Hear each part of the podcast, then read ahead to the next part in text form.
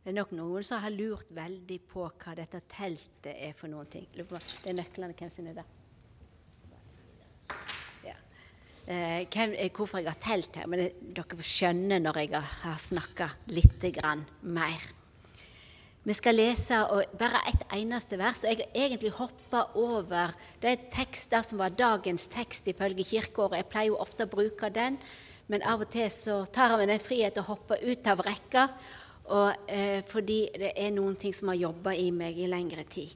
Og I Johannes 1,14 så står det, og det tar dere gjerne tid til å slå opp, men kanskje det er et vers som dere kan utenat òg Ordet ble menneske og tok bostad mellom oss. Og vi så Hans herligdom, en herligdom som den enbårne sønnen har fra far sin, full av nåde og sanning. Hvis noen skulle ha spurt deg om hvor henne Gud bor, hva ville du da sagt? Hvor bor Gud? Dere kan få lov å si det, dere som sitter her òg. Har noen som har lyst til å svare på det? Hvor bor han egentlig?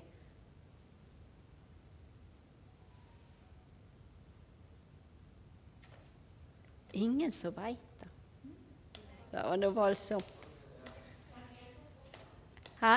Hvor bor Gud? Hvor bor Gud? Noen sier her. Inni oss. Overalt. Ja.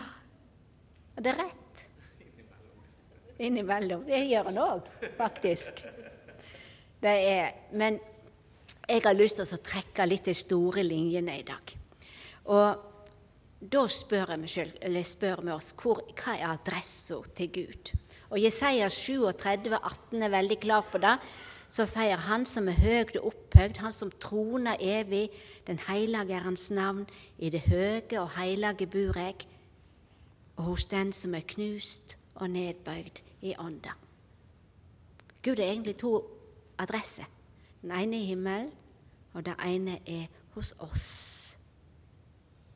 Og det er nettopp dette julet handler om.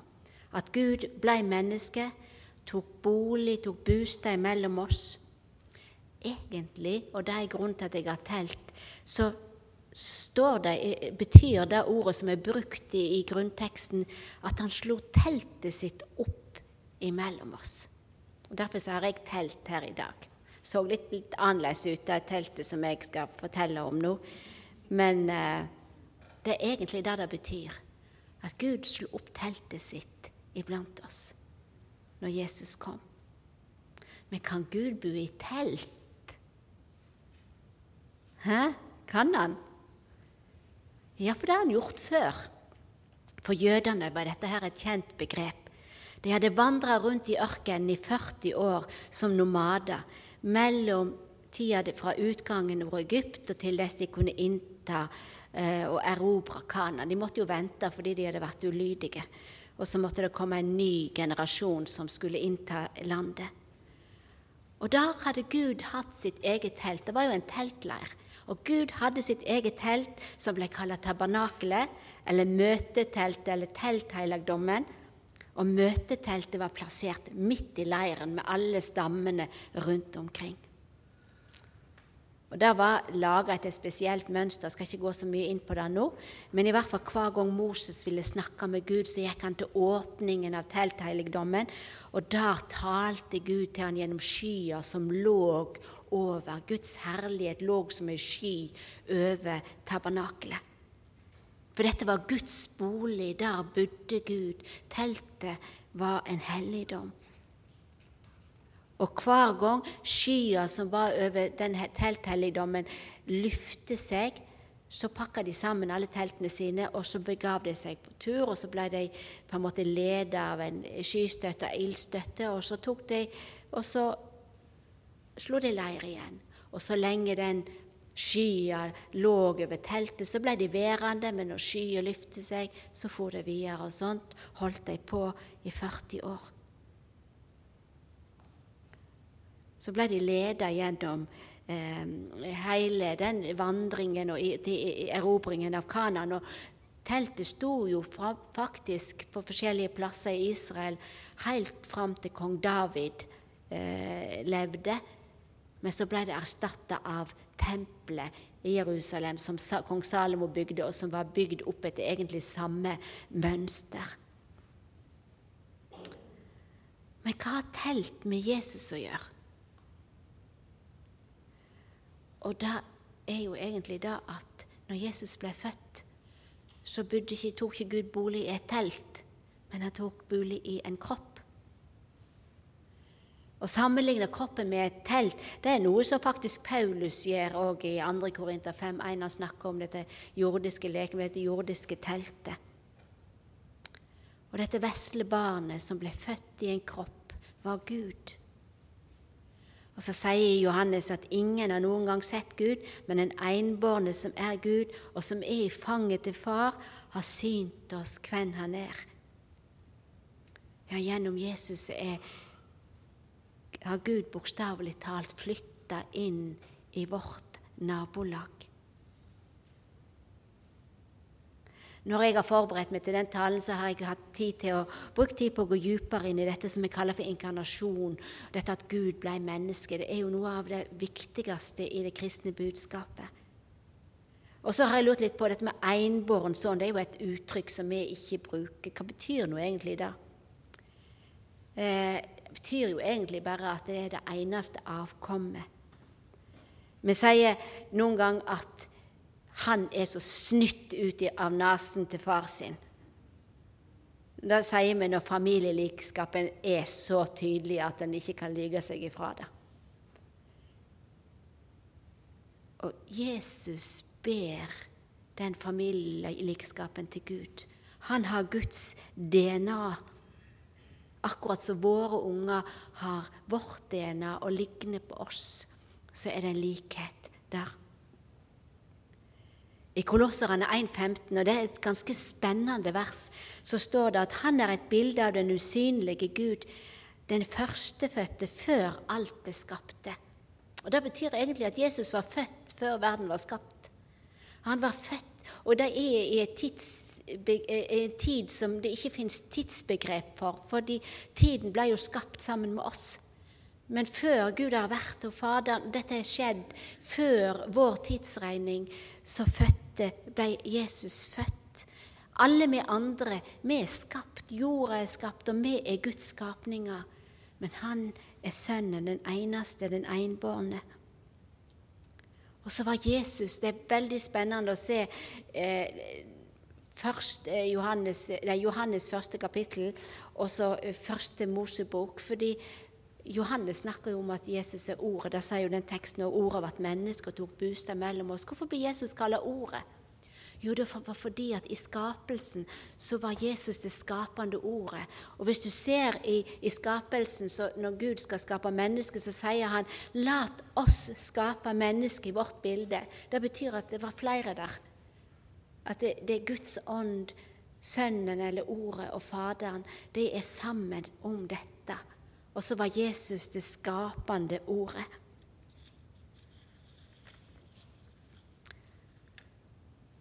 Og så er det noe av det mest fantastiske, og som er en stor kjærlighetshistorie, den største i verden, det er at Gud gav oss det kjæreste han hadde, for å frelse oss, og det var hans egen sønn.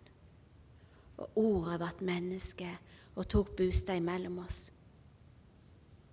Og han, Jesus han gjorde ikke det motvillig, han var med på det. Det står i Filipperne 2, 6-7 at han var i Guds skapnad og så det ikke som et rov å være Gud lik, men gav avkall på sitt eget, tok en tjener skapnad og ble menneskelik. Og det er jo det vi skal feire nå, at han kom. Guds herlighet var synlig i Jesus alt fra fødselen. Og Der skriver jo han i dette verset òg at vi så hans herligdom, en herligdom den enbårne sønnen har fra far sin, full av nåde og sanning. Og Dette var ikke noe de så i ettertid, dette var noe de som opplevde det, så.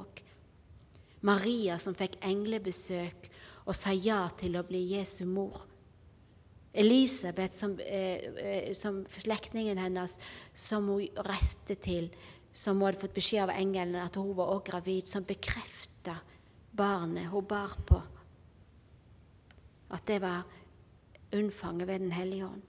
Gjeterne som hørte, hadde hørt englesang og fikk beskjed om å gå og finne barnet, og som kom og tilba det. De tre vismennene som hadde fulgt stjerna i lang tid for å finne kongen som var født, og som skjønte at dette var noe overnaturlig, naturlig.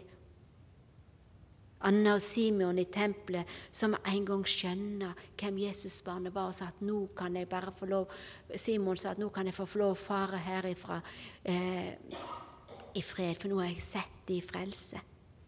Alle disse så barnet, erkjente hvem dette barnet var og tilba. Himmel og jord møttes i dette vesle barnet. Vi så hans herligdom. Hvor bor Gud? Jo, i det høye og det hellige, og midt iblant oss i Jesus. Sjå møya skal bli med barn og føde en sønn, og de skal gi navnet Immanuel, som tyder Gud med oss. Det sa engelen til Josef i Matteus 1,23. Og så kjenner vi resten av historien. Han ble voksen, han forkynte, han underviste og gjorde under. Guds herligdom hvilte over, og når han provoserte de skriftlærde og fariseerne med å bruke Guds navn, jeg og Eimi, jeg er, som betyr som er Guds navn om seg sjøl. Og hans døde oppstandelse er et bevis på at, det, at han er den han sa seg å være. Så litt tilbake igjen til tabernaklet og tempelet. Tempelet var jo helligdommen til jødene som på en måte, etter at de var blitt etablert i Kanan, var bygd opp etter samme mal som tabernaklet. Jesus profeterte at der skulle falle i grus. Og så sier han om seg sjøl riv ned dette tempelet, og jeg skal reise det opp på tre dager. Og da trodde de andre at det var dette tempelet det var snakk om. Men det var jo seg sjøl. Jødene tenkte han mente bygning, men Jesus mente kroppen sin. Men det er likevel en sammenheng her, for vi vet at tempelet i Jerusalem det ble, eh, det, eh, det ble ødelagt i år 70. Jødene skjønte ikke den sammenhengen, og da var jo det store problemet at de var så fiksert på den, den eh, tempelet og alle ofringene og alt dette at de skjønte ikke at Jesus var det nye tempelet. At han var den som var skulle tilbes, at han var ett med Faderen. Og så veit vi at i det øyeblikket Jesus døde og hjertet hans brast, så rivna forhenget som skilte det hellige og det aller helligste i tempelet i to fra øvst til nevst. Og alle offerseremonier som de hadde hatt for å rense seg, ble med ett unødvendige, for Jesus hadde ofra seg en gang for alle. Og vi nå har fri adgang til Gud. Det er så fantastisk at vi trenger ikke Vi har fått en ny status, og som vi synger i sangen eh, På grunn av Jesu blod har jeg nå frimodighet til å gå like inn i det aller helligste sted, innenfor din trode Gud. Ja, det er realiteten. Så sliter vi med skyld og ting som gjør dumme ting og, og, og alt sånt. Men vi trenger ikke lenger sone vår synd, for den har Jesus sona for oss i sin kropp. Kroppen hans er tempelet, er tabernakelet, var hans jordiske telt. Og så triumferte han idet han sto opp. Men hvor bor Gud nå, da? Vi har jo snakket litt om det, og det er jo egentlig, vi veit det jo. Men for Jesus er jo nå på plass oppe i himmelen så betyr det at, eh, ikke at han ikke lenger er nær oss. For han har sendt sin Hellige Ånd, som gjør at han kan være alle plasser samtidig. Det står at eh, Gud sendte ut en, den, sin Hellige Ånd over alt kjød, over alle mennesker. Så det ligger et sånt potensial over alle mennesker. Gud jobber med alle mennesker på en eller annen måte.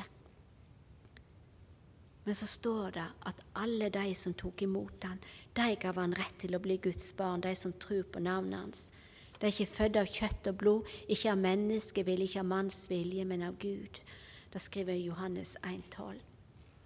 Og så er vi invitert til å bli på en måte en del av Guds familie. Født på ny. Få del i Guds natur, i hans DNA. Bli en del av hans hus og hans familie. For mange år siden, da vi bodde på Island første gangen, så ba vi veldig lenge for en engelsk musikklærer som var kommet til Island for å jobbe i en av nabobygdene der vi bodde. Eh, Catherine er nå assisterende korpsleder i Egersund, eh, men da var hun ikke frelst. Og jeg og ei annen dame, og vi var tre damer som ba for henne hele høsten. Så kom hun første søndag i advent kom hun for første gang på møte på Frelsesarmeen. To uker etterpå, eller var det tre uker, kan jeg ikke helt huske, så kom hun tilbake igjen og ble frelst. Og så fortalte hun etterpå at først, hva som hadde skjedd. Først da på Frelsesarmeen første gangen, så var det kaos og hadde det så tøft inni seg. Men rundt henne så var det fred. Hun kjente så sterkt på Guds nærvær i fellesskapet. Og når hun da kom tilbake igjen og tok imot Jesus, så flytta den freden inn i hjertet hennes. Og det er det det handler om. At Jesus bor ved trua i vårt hjerte. Han er ikke begrensa til å være én plass om gangen. Så lenge han var på jorda, så kunne han jo bare være der han var. Men nå kan han være overalt samtidig. Vi kan snakke i munnen på hverandre, og Gud hører. Det er jo noe som kanskje er vanskelig for oss å forstå, men det er fantastisk. Så på den måten så er vi jo alle sammen, hver for oss, tempel for Den hellige ande. Der står det jo ganske mye om i Bibelen at vi er et tempel. Når Jesus flytter inn på innsida hos oss, så er vi et tempel. Men så er det jo dette her òg at sammen er vi et tempel av levende steiner. Og levende steiner de rører litt på seg, så det er ikke helt friksjonsfritt.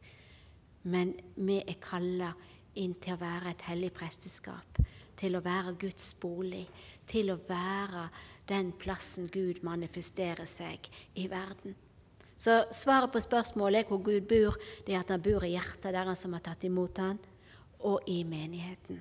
Og Da tenker jeg ikke på kirkebøkene eller de som står i Frelsesarmeens rulle, fordi at eh, det er ytre ting eh, som, er, som, på en måte er viktig, men når det gjelder kommer til stykket, så er det dette med å eie livet i Gud som er viktig, og det fellesskapet som vokser fram ut ifra det.